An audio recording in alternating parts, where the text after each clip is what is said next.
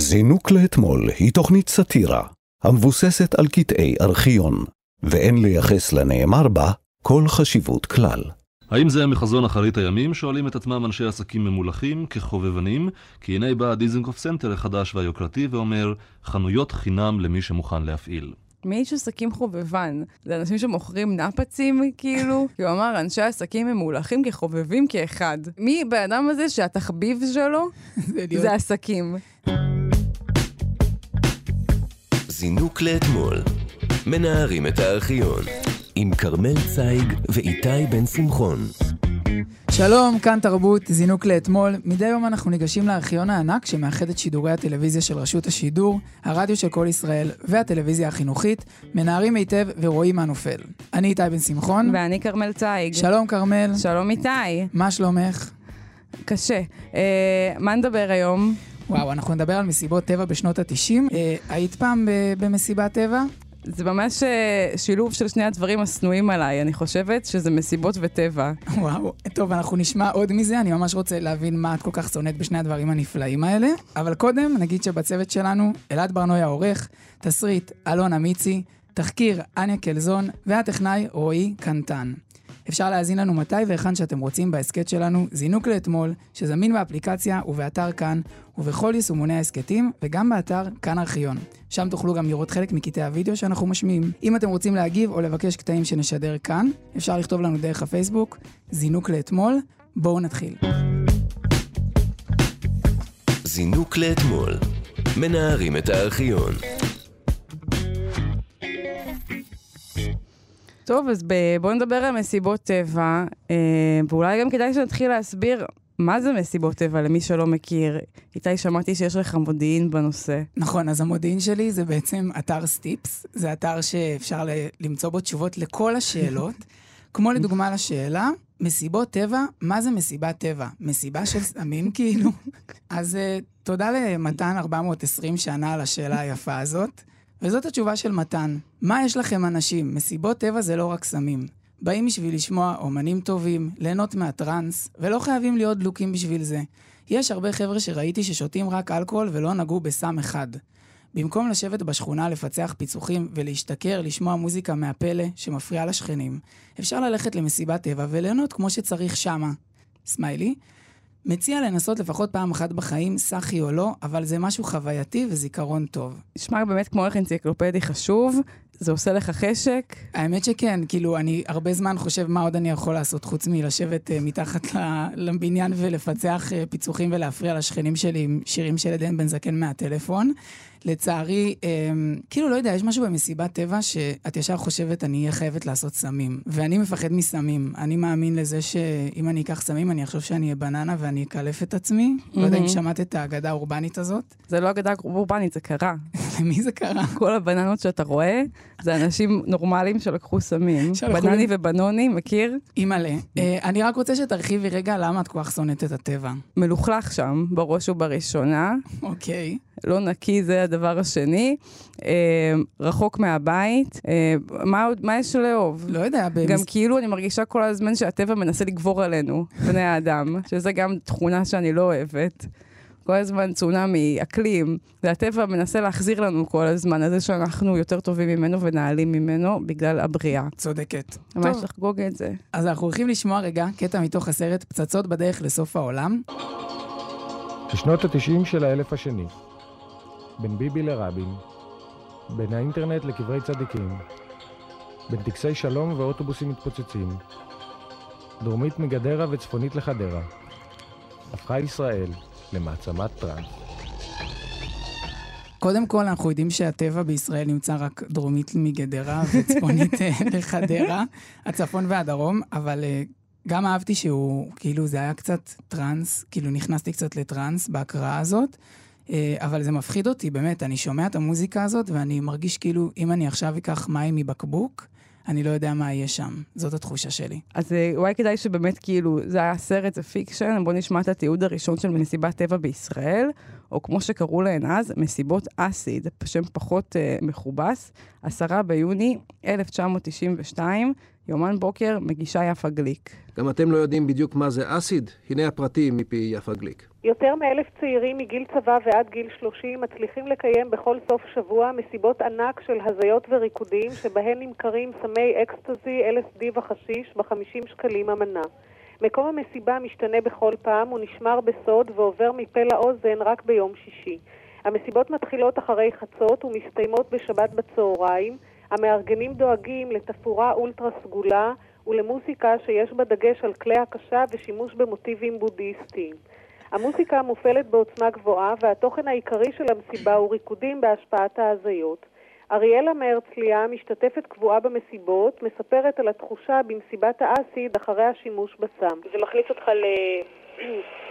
לאקשן מאוד מאוד גדול של הגוף. אתה לא יכול להפסיק לרקוד, אתה פשוט לא מסוגל. המוזיקה נכנסת לגוף, אתה מרגיש את המוזיקה. נכנס לך בכל הנימים של הגוף. ויש, אה, ברוב המקרים אתה גם, קודם כל אתה מחייך ואתה, יש לך התקפי צחוק. ואתה אוהב את כולם, ואתה... זה יותר טריפ לבד, זה לא טריפ של אנשים ביחד, זה יותר טריפ כל אחד לעצמו.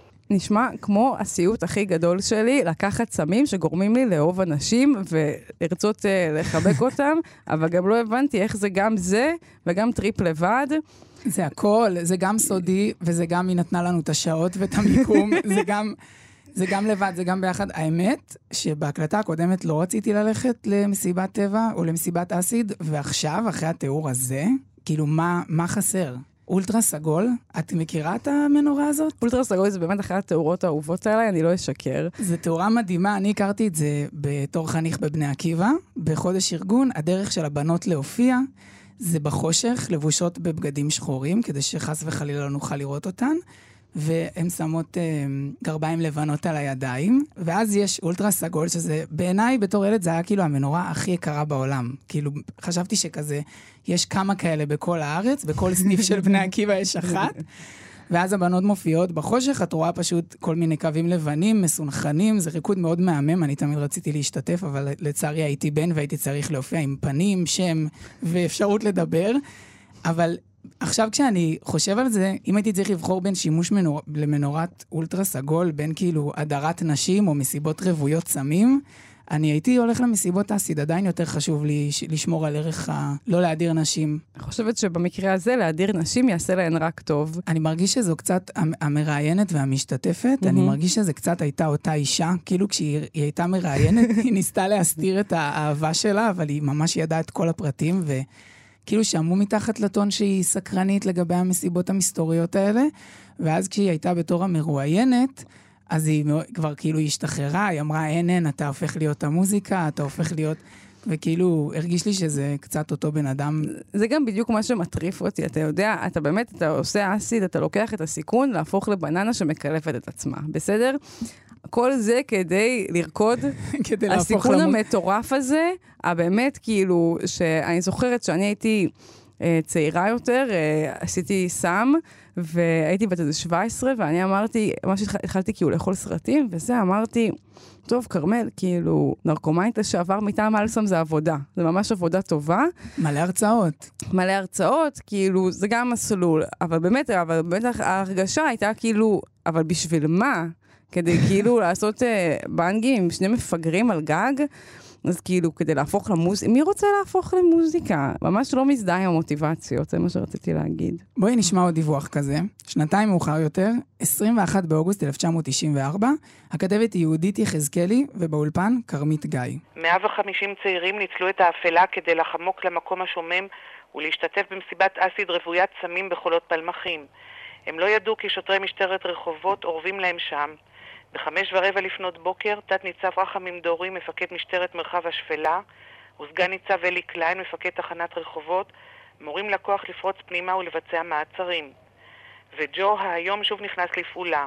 ג'ו כלב קוקר ספניאל מטעה את המשתתפים במראה ובתמים, הכלב המומחה לגילוי סמים פורץ ראשון, מרחרח ומוצא מיד סמים מוסתרים בגזע עץ, ולצידם שני אקדחים. מכל רחבי הארץ הם הגיעו לכאן, ושילמו 200 שקלים לכדור אקסטזי או בולי הזיה או LSD כדי לרקוד הלומי סמים לקולות המוסיקה שהחרידה את השקט באפלה. תחילה עצרו השוטרים את סוחרי הסמים ואחר כך התפנו לחפש סמים אצל המשתתפים ואלה הגיבו בצחוק פרוע או באדישות מוחלטת שרויים בהזיותיהם.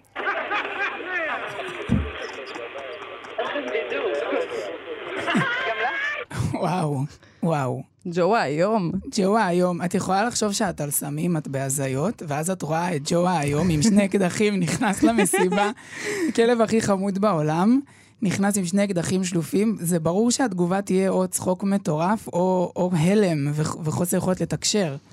מה עשו שם אקדחים? זה באמת הרגע היותר חמור בעיניי מזה שמצאו שם בולים של LSD, זה זה שמצאו אקדחים במסיבה. אני ממש מרגישה שהדגש בחקירה צריך להיות יותר על אקדחים ופחות על זה. שהיה שם חשיש. וג'ו היום באמת, תקשיב, זה מראה לך כמה המשטרה יכולה להיות אכזרית. לקחת דבר כל כך חמוד ומתוק וכאילו, ולהשתמש בו למטרות זדון, באמת, האנשים הכי פחות מסוכנים בעולם, סטלנים, אנשים שלא יכולים לצאת מהבית, אלא אם כן זה כדי להידפק על סמים, מה הם יעשו למישהו, חוץ מהעניין הזה עם האקדחים? אז דיברנו כאילו פה- על כל- לנצל כלב. מזכיר לי את. לייקה. נכון. דיברנו פה על לייקה שטסה, הייתה הכלבה הראשונה, ונראה לי היצור החי הראשון לטוס לחלל. איפה היא ואיפה ג'ו היום? למרות שג'ו בטח היום כזה בפנסיה, כאילו, והיא, לצערנו, אנחנו יודעים, אה, מתה במילוי תפקידה. אני גם רוצה לדעת מי אלה כל הצ... בני כמה הצעירים? הם, הם אומרים בכל הכתבות צעירים, צעירים. כל מי שאני מכיר שהולך למסיבות טבע הוא בן 37. מה, מינימום, כאילו זה באמת אה, אנשים בגיל של אימא שלי בדרך כלל, שזה כבר לייפסטייל שלהם, אבל זה שנות ה-90, זה באמת אותם אנשים. זה פשוט אותם אנשים מהכתבה, היום עדיין הם אלה שמאכלסים מסיבות טבע, זה לא, אין, אין, אין, אין השתנות בקהל. לא, אבל היום כבר לאף אחד לא אכפת. זה כזה, תלכו, רק תשאירו נקי אחריכם, אל תביאו חד פעמי והכל טוב. גם כבר לא קוראים לזה מסיבת טבע, קוראים לזה מידברן. טוב, כמו שהבנו, מרכיב מרכזי במסיבות טבע הוא מוזיקת טראנס. אה, הנה סגן ניצב סיימון פרי, שהוא סגן ניצב המשטרה, כן? בריאיון מ-1996, לתוכנית כל ערב בהנחיית מרב מיכאלי, מדבר על הטראנס במסיבות טבע. סיימון, אתה אומר שאת המוזיקה הזאת אי אפשר לשמוע בלי שצריך בעצם להיות מסוממים, כי אחרת אפשר לסבול את זה. תראה, אני, מה שאני אומר, אני לא מומחה למוזיקה, אבל גם בתיאור, בספרות, וגם ממה שאנחנו שומעים מאנשים שמשתתפים במסיבות אסיד, מוזיקה מסוימת שנקראת מוזיקת אסיד, והיא לא נקראת סתם מוזיקת אסיד, זה על שם ה-LSD, היא מוזיקה חד-גונית. הטענה שלי היא שמוזיקה, ואני אין לי שום טענה נגד שמיעת מוזיקה, מוזיקה אפשר לשמוע בכל מקום, בדיסקוטקים, ואין לנו שום בעיה עם זה, גם בבית, גם אני חובב מוזיקה, אבל המוזיקה בסיטואציה המאוד ספציפית של מסיבות אסיד, היא מיועדת למטרה אחת. באים לשם או אנשים שמשתמשים בסם, או סקרנים שבאים לראות מה זה. איזה מוזיקה הוא אוהב? הוא לא אמר. הוא לא אוהב מוזיקה, זה טריק של שוטרים ומורות ואנשים בעלי כאילו סמכות, שאומרים, אין לי בעיה עם מוזיקה, גם אני אוהב מוזיקה, שזה משפט שבן אדם שנורמלי שאוהב מוזיקה, הוא לא מכריז על זה. כמו שמורות אומרות לך, שאת צוחקת נגיד בכיתה מפריעה בשיעור, הכל בסדר, גם אני אוהבת לצחוק, פשוט לא עכשיו, או כל מיני דברים כאלה, גם אני אוהבת לדבר. כאילו, למה את צריכה להגיד לי את זה? זה? אני מניח שכל בן אדם אוהב לצחוק ואוהב מוזיקה. מי שצריך להגיד לי את זה, אני חושד בו, ואני גם ממש אוהב את זה שלאורך כל הכתבה הם מדברים כאילו אין, כאילו, טראנס ברקע. זה מטורף שיש טראנס ברקע. זה באמת מראה לך איזה שכונה היה בשנות ה-90. טוב, אז אה, ממש כמובן שלמשטרת ישראל יש מערכת יחסים קרובה והדוקה עם מסיבות טבע או מסיבות האסיד, כפי שאנחנו יודעים שהיום קוראים להן. ב-1998 המשטרה פשטה על מסיבת טבע בווילה בכפר שמריהו, כמובן המקום הכי טבעי בהיסטוריה, וחבר הכנסת מטעם מרצ, דדי צוקר ומקים בצלם, היה שם והתעמת עם השוטרים. נשמע המסיבה הכי כיפית בעולם עם חבר הכנסת מטעם מרצ, דדי צוקר היה שם. אה, מתוך בוקר טוב ישראל, 14 ביוני 1998, מגיש גיל תמרי. ככה זה נשמע. אתה תציג פה צו. לא צריך צו. אתה תציג פה צו. אדוני, אה, אין חוק, זה- זה שמה, זה קצת מזרחה. פה יש חוק, אתה מבין את זה? אוקיי, אתה תציב לי צו לפני כן, אתה לא נוגע בכלום, אתה מבין את זה? ההחרמות האלה נפסקו, תפסיקו כבר עם זה! שקט! שקט! די כבר! אתה תציב צו, אתם לפני כן לא נוגעים בזה, וזכותם להתנגד שתיקחו את זה. אתם לא תיגעו בכלום בלי צו. זה הכל. נגמרו הימים האלה שאתם תעשו מה שאתם רוצים. נכנסתם לשטח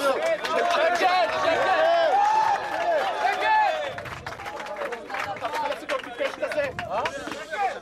אתם תיקחו כל דבר רק עם צו בית משפט או עם צו חוקי. אין לכם... סלח לי אדוני, אין לך שום חשד? לא מצאת פה אף אחד? בוא תחפש. יש לי שאלה רגע. זה לא חשד סביר בשום בית משפט, וזה לא מדינת משטרה, ואתה תעשה בדיוק מה שאתה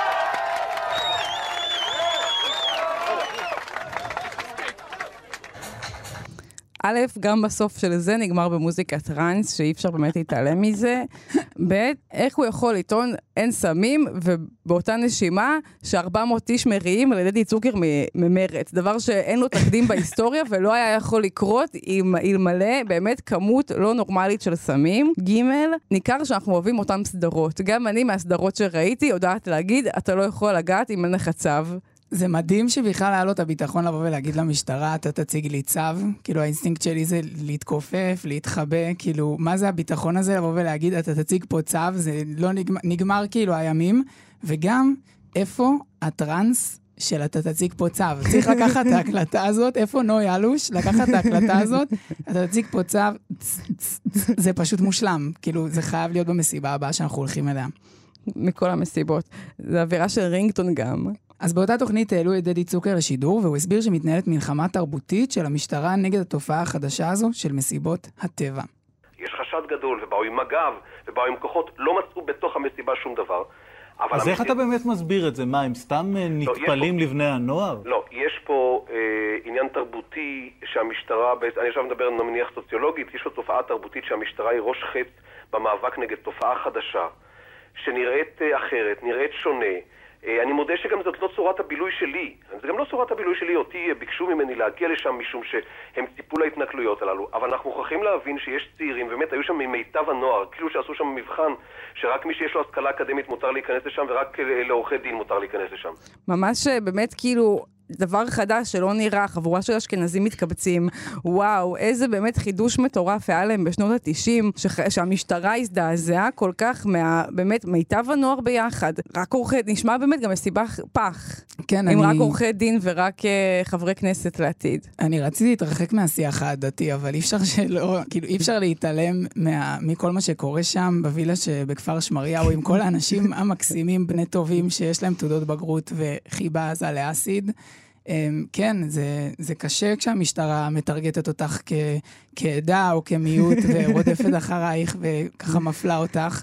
אבל הם הצליחו להסיט את זה, וזה כבר לא קורה להם, ברוך השם. ממש מזל. גם אהבתי באמת את המלחמה התרבותית, התרבות המאוד גבוהה, לשמוע טרנסים ולהתמסטל, וואו. אבל אהבתי שדדי צוקר, למרות שהוא לא, הוא לא עושה סמים, הוא לא אוהב את המסיבות האלה, עדיין הוא נלחם בשביל אלה שלא יכולים להילחם בעצמם. בכנות, באמת בהקלטה לפני זה נשמע שהוא בן אדם לא היה לסמים. אז אה, השתכנעת שעכשיו מסיבות טבע זה ה- זה הקיק החדש שלך? אנחנו כן. הולכים למדבר, יש לנו קמפ. אני רוצה להרגיש את המוזיקה בתוכי, ועד שזה לא יקרה אני לא ארגע. זינוק לאתמול. מנערים את הארכיון.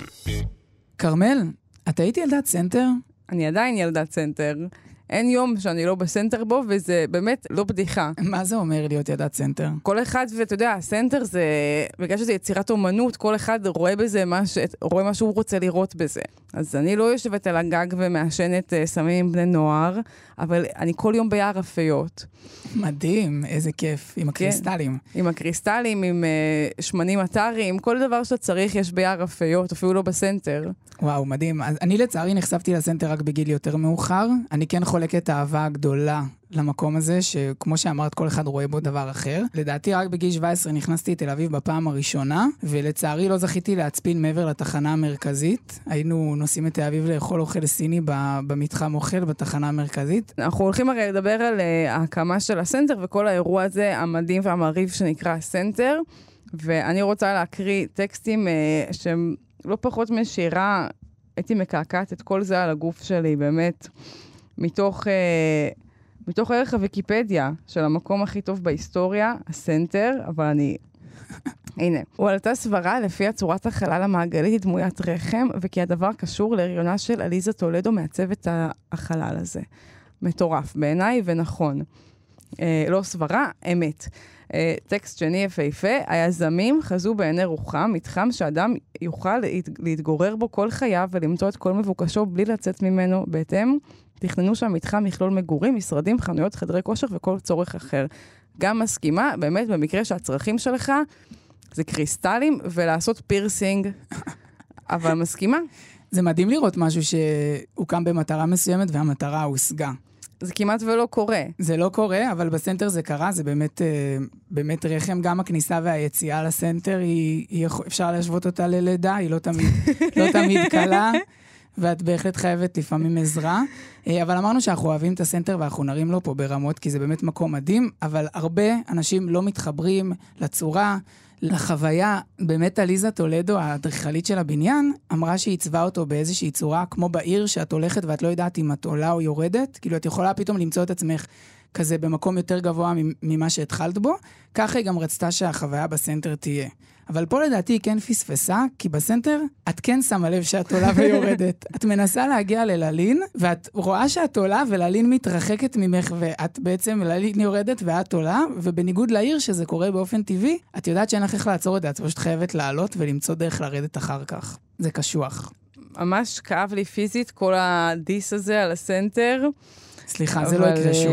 אני אגיד לך מה, גם באמת בגלל שגדלתי בתל אביב, וספציפית בסנטר גם, החוויה שלי היא כאילו, העיר מדמה את הסנטר באיזשהו מקום. אממ. זה לא הסנטר מדמה את העיר, כל דבר בחיים שלי מושווה לסנטר. מדהים. אז כאילו, מבחינתי העיר נכשלת. אם אתה אומר לי שאתה הולך בעיר ולא שם לב כשאתה עולה ויורד, העיר נכשלה בת, בתפקיד שלה להידמות לסנטר כמה שאפשר. בכל מקרה, לפני שזה היה בניין מפואר ויפהפה וחשוב, שבו עשיתי קעקוע, זאת הייתה שכונת צריפים בשם נורדיה. עיריית תל אביב רצתה להפוך את האזור ליותר אטרקטיבי, וככה הוחלט אה, לבנות שם מרכז מסחרי, עיר בתוך עיר. משפחת פילץ, משפחה של קבלני בניין ואנשי עסקים, ושמואל פלטו, שרון, רכשו את הקרקע בשנת 1970. זה היה פרויקט מאוד שאפתני, במיוחד לתקופה. הנה קטע ממהדורת מבט, 15 בפברואר 1972, כשהתחילו לבנות את הסנטר. המראיין הוא יחיאל כהן, שמשוחח עם אריה פילץ. כל הרחובות הפנימיים במרכז יהיו מקורים בחלונות זכוכית רחבים ואווירם ממוזג, כנראה גם נעים. גם הכיכרות הפנימיים של דיזנגוף סנטר יהיו מקורים בכיפות זכוכית גדולות כדי לאפשר את מיזוג האוויר המלא, ובהם יותקנו גינון, מזרקות ופסלים להנאת המסיירים על גבי הקומה השלישית, הרביעית ואף יותר. אנחנו רואים אה, שני דברים חשובים בזה שאנחנו עושים אה, את המרכז הזה בדיזנגוף. א', אנחנו אה, משקמים אזור שהוא היה אזור צריפים בלב ליבה של תל אביב. וב' אני חושב שאנחנו נצליח בפרויקט כפי שאנחנו מתכננים אותו. יש לי דמעות בעיניים. זה באמת מרגש. הם לא ידעו גם שהם מקימים את הבניין שהכי קל למצוא בו פריטה, אם את צריכה. אם יש לך 200 שקל ואת צריכה כאילו יותר קטן, ממש כל המוכרים אדיבים, במיוחד בעולם הממתקים, אני מדבר מניסיון. זה בניין שכאילו, הוא, הוא... הרבה שונאים את התחנה המרכזית וגם משווים, זו השוואה ממש גרועה בעיניי, כי הסנטר הוא... הוא מעבר לכל הציפיות. אפילו גם אנשים לא יודעים על התפקיד החברתי שהסנטר לוקח. יש שם תרומות דם, למשל, נכון. ויש חממה על הגג של הסנטר, את ידעת את זה? זה בעד איכות יום. הסביבה, אבל... את ידעת את זה. וגם זה באמת בית להרבה ילדים. יש קהילה שלמה שנקראת ילדי הסנטר. אני, את מכירה, את היית חלק? לא, לא הייתי חלק כזה. אה. לא, זה, זה הגיל אותי. זה דור ההמשך שלי, ילדי אור הירח, אני לא מתחברת לזה בשום צורה. אז חלק מזה לא הייתי. אני פשוט אוהבת את הסנטר, אני, אני לא רואה עצמי כחלק מקהילה. גם אפשר באמת להגיד שבאמת האזור הזה, שהיה שכונת צריפים, כנראה שאפשר לגור בה במחיר סביר, הפך להיות אזור שאף אחד לא יכול לגור בו, והאנשים היחידים שיכולים לגור בו זה אנשים שאין להם עניין אפילו בסנטר ובמורשת ההיסטורית שלו, ובמובן הזה זו הצלחה מאוד גדולה לעיריית תל אביב. ככה עובדת הג'נטריפיקציה בעצם. כן. אני גם שמח שאת גם תיארת קצת ש... שזה הפך להיות כאילו העיר לוקחת השראה מהסנטר, ובמקור הם רצו לקרוא לזה עיר בתוך עיר. ובסוף נוצר מצב שזה בעצם עיר מחוץ לעיר. כאילו, תל אביב היא העיר שמחוץ לעיר שהיא הסנטר, שזה גם מדהים. אז אה, כאמור, אחד אה, מבעלי הסנטר היה שמואל פלטו שרון. הוא היה איש עסקים יהודי מצרפת. בשנת 1973 הוא עלה לישראל. למעשה, לא יודעת אם אתה יודע את זה, הוא ברח מאישומים על עבירות מרמה ומס, אומייגאד. Oh אתה מכיר את, ה- את התיאוריה הזאת, תיאוריית המנדלה, שפרט אחד משתנה וכאילו, ומתנהגים כאילו זה היה ככה מאז ומעולם, אבל, אבל כולנו יודעים שזה פלטו? כן, בגלל זה אני כאילו, קשה לי לשמוע את מה שאת אומרת. אני לא הולך לבטא את השם משפחה שלו לאורך הפרק הזה. אני ממש מרגישה שעושים לנו gaslight. כן, לא, ככה תקריאו את זה עם, עם פ' רפויה, כל הפרק. וככה תמיד גם קראו לו, מסתבר. כן, איזה... רק אתם הטיפשים שלא ידעתם איך קוראים לבן אדם שכל המדינה יודעת שזה עם פ' לא דגושה. זה באמת אה, אירוע ה gaslight הכי גדול בהיסטוריה של המדינה, הייתי אומרת. ואנחנו חווים אותו. על בשרנו, ואנחנו גם אלה ש... אנחנו הקורבנות האמיצים שמדברים את זה. אבל אה, שמואל, הוא היה בן אדם מאוד אה, יצירתי. היה נגדו צו אה, מעצר בינלאומי בצרפת, ומה שהוא עשה, חוץ מזה שהוא הקים את הסנטר והוא היה גאון, הוא גם הקים מפלגת יחיד בשם שמואל שרון, האיש הבודד לכנסת. ולמה הוא עשה את זה? כי אפילו הוא ידע שלא אומרים פלטו. הוא היה בעדנו, הוא לא רצה שנצטרך להגיד את השם משפחה הזאת, הוא לא היה חלק ממזימת הגז לייטינג שאנחנו עוברים. אבל מה שהוא גם עוד ידע, זה שלא ניתן להסגיר אדם שהוא חבר כנסת. אז הוא פשוט הפך להיות חבר כנסת, כדי שמדינת ישראל לא תוכל להסגיר אותו על כל העבירות שהוא עשה. אז בואו נשמע עוד קצת על הבן אדם המיוחד הזה, מתוך מבט, 26 בדצמבר 1976. הכתב הוא חנן עזרן, ככה זה נשמע. מאז הגיע לכאן לפני שלוש שנים, שקט פלטו על בניית תדמית חדשה ויצירת קשרים מתאימים בחלונות הגבוהים בישראל. הוא היה זקוק בדחיפות לתדמית חדשה של ציוני חם כדי לזכות באהדת הציבור בישראל. אהדה שאמורה הייתה לעזור לו לטשטש את ההאשמות הכבדות שהטיחו בו בצרפת. פלטו הרבה להיפגש כאן עם גדולי מדינה ומושכי החוטים במשק הישראלי. בא ויצא במשרדי הממשלה. הוא הרבה להשתתף באירועי יוקרה בהם נטלו חלק בכירים ומפורסמים. בכל הופעותיו הציבוריות שמר פלטו על הידור וגינונים. הוא הרבה לפזר תוכניות, רעיונות ותרומות. כך נכנס פלטו לפרויקט הקמת הדיזינגוף סנטר בתל אביב עם איש העסקים אריה פילץ. בתוכנית יוקרה זו השקיע פלטו כחמישה מיליון דולר והוא מחזיק בחמישים אחוזים מהמניות. בפרויקט התחנה המרכזית השקיע פלטו חמישה מיליון דולר ורכש בה כששת אלפים מטרים מרובעים. חמישה מיליון דולר? היום זה לא מספיק כדי לקנות דירה ליד דיזינגוף. הזמנים השתנו. זה מטורף בעיניי. אפילו לא היה כזה עשיר, הוא היה עני במושגים של היום. אבל... אה, אבל הוא היה מקושר, ואנחנו יודעים שזה בעצם מה שחשוב. גם אה, עצבן אותי שהכתב קרא לו כל הזמן פלטו ולא האיש המיוחד הזה. כן, הוא גם באיזה ביטחון הוא אומר את זה, כאילו הוא לא מודע לזה שזה, שזה טעות. אבל um, אנחנו רואים שהוא כן היה גם קשור לתחנה המרכזית, זאת אומרת, התיאוריות הקונספירציה נכונות. זה לא מזכיר גם סיפור מאוד דומה של אחד, ארכדי גיידמק? הוא הואשם בכל מיני עבירות, אי אלו עבירות, עשיר מאוד, רק שבמקום להשקיע בבאמת... אה, פרויקט חיים יפהפה כמו הסנטר, הוא בחר בביתר ירושלים. אבל חוץ מזה, גם הוא ניסה לרוץ לכנסת, אמנם כנראה כדי להשתלט על ישראל ו- ולא בהכרח כדי להיות חבר כנסת ולברוח מהסגרה, אבל אחד לאחד, איך אנחנו יודעים שזה לא אותו בן אדם? אנחנו לא. אוקיי, אוקיי, אז דיזינגוף סנטר נפתח ב-1977, ולמרות כל האהבה שיש לנו אליו היום, הוא לא היה סיפור הצלחה על ההתחלה. הנה דיווח של גבי גזית, שבו הוא מספר שבדיזינגוף סנטר נותנים חנויות חינם למי שרק ירצה. יומן השבוע, 9 באוגוסט 1980. האם זה מחזון אחרית הימים? שואלים את עצמם אנשי עסקים ממולחים כחובבנים, כי הנה בא דיזינגוף סנטר החדש והיוקרתי ואומר חנויות חינם למי שמוכן להפעיל. וודאי שאין הצעד הזה מעיד על טוב ליבם של הבעלים, גרידא, אלא יותר מרמז למצבו הקשה של הפרויקט, שביקש להביא לרחוב דיזנגוף המיושן את הסגנון של המרכזים המסחריים בערי העולם הגדולות. מי איש עסקים חובבן? זה אנשים שמוכרים נפצים, כאילו? כי הוא אמר, אנשי עסקים ממולחים כחובבנים כאחד. מי בן אדם הזה שהתחביב שלו זה עסקים? כרמל, יש לך הזדמנות לפתוח חנות בדיזנגוף סנטר בחינם. מה את מוכרת? לא, אין סיכוי. אני כאילו, אני חושבת שזה לגעת במשהו שהוא מושלם, כן? כבר יש את הסנטר, כבר יש בו את יער הפיות, כבר יש בו סופר פארם, וגם פתחו בי. וואי, בי של שתי קומות. זה מטורף. מה, צר... מה, מה עוד כאילו אפשר, יש לך חדר כושר, ליד החדר כושר ברגר קינג, זה כאילו מקום מושלם, גם אני באמת לא מבינה מה הבעיה להתמצא, זה בדיוק האנשים האלה, רציונלית, רציונלי, רוצים מפה, רוצים לדעת מקום. אם אתה הולך עם הלב שלך, אתה תמיד תדע... לא, אתה תמיד תגיע לפיל. אתה תמיד... תמיד בס... תגיע לפיל. בכל מקרה, אה, עם השנים, הסנטר נהיה הסנטר, ולא רק דיזינגוף סנטר. אה, הוא היה עד כדי כך מוצלח באיזושהי נקודה, שכשמייקל ג'קסון הגיע לארץ ב-1993, זה היה אחד היעדים שלו. זה היה בתקופת החגים, והסנטר נפתח במיוחד בשבילו. הנה דיווח של ענת פלג על השופינג של מייקל, יומן הבוקר 19 בספטמבר 1993. פחות מ-48 שעות עושה מייקל ג'קסון בארץ, ודומה שהוא מבלה היטב. המרדף העיתונאי אחריו, כמוהו כריצה אחר פיטר פן אנרגטי. רגע ובמלונו, ובלי הודעה מוקדמת, פוצח במסע קניות בדיזנגוף סנטר השומם בדרך כלל בימים הנוראים, והנה כבמטה קסם נפתחות במיוחד עבורו חנויות, והוא מצידו מעניק להם ספתח מופלא לשנה החדשה. בעיקרון הוא קנה מכל הבא ליד המון ספרי ילדים, ספרי צילום שיש בהם ילדים, ספרים על ישראל. באיזה סכום הייתה הקנייה? אה, פחות או יותר אלפיים שקל. תשמעי, קודם כל הוא קנה ספרים בערך בעלות שעלה לה, להקים את הסנטר, שזה כבר הישג מדהים.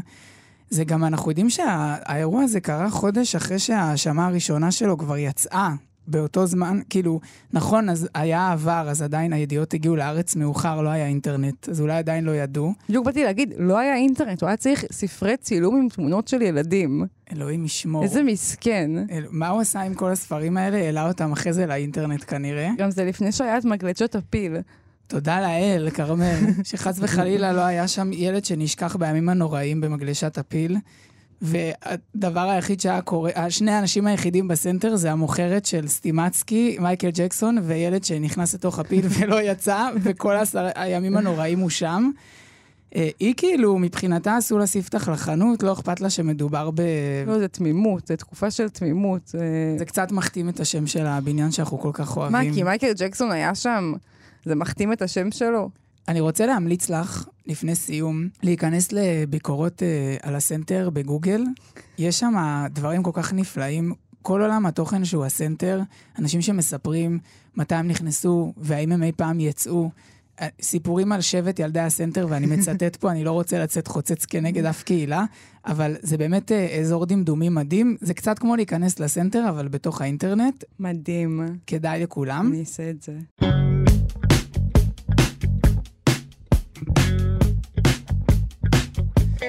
עד כאן זינוק לאתמול, להיום. תודה לצוות שלנו. תודה לעורך אלעד ברנוי, תודה לאלונה מיצי על התסריט, תודה לתחקירנית אניה קלזון, ולטכנאי רועי קנטן.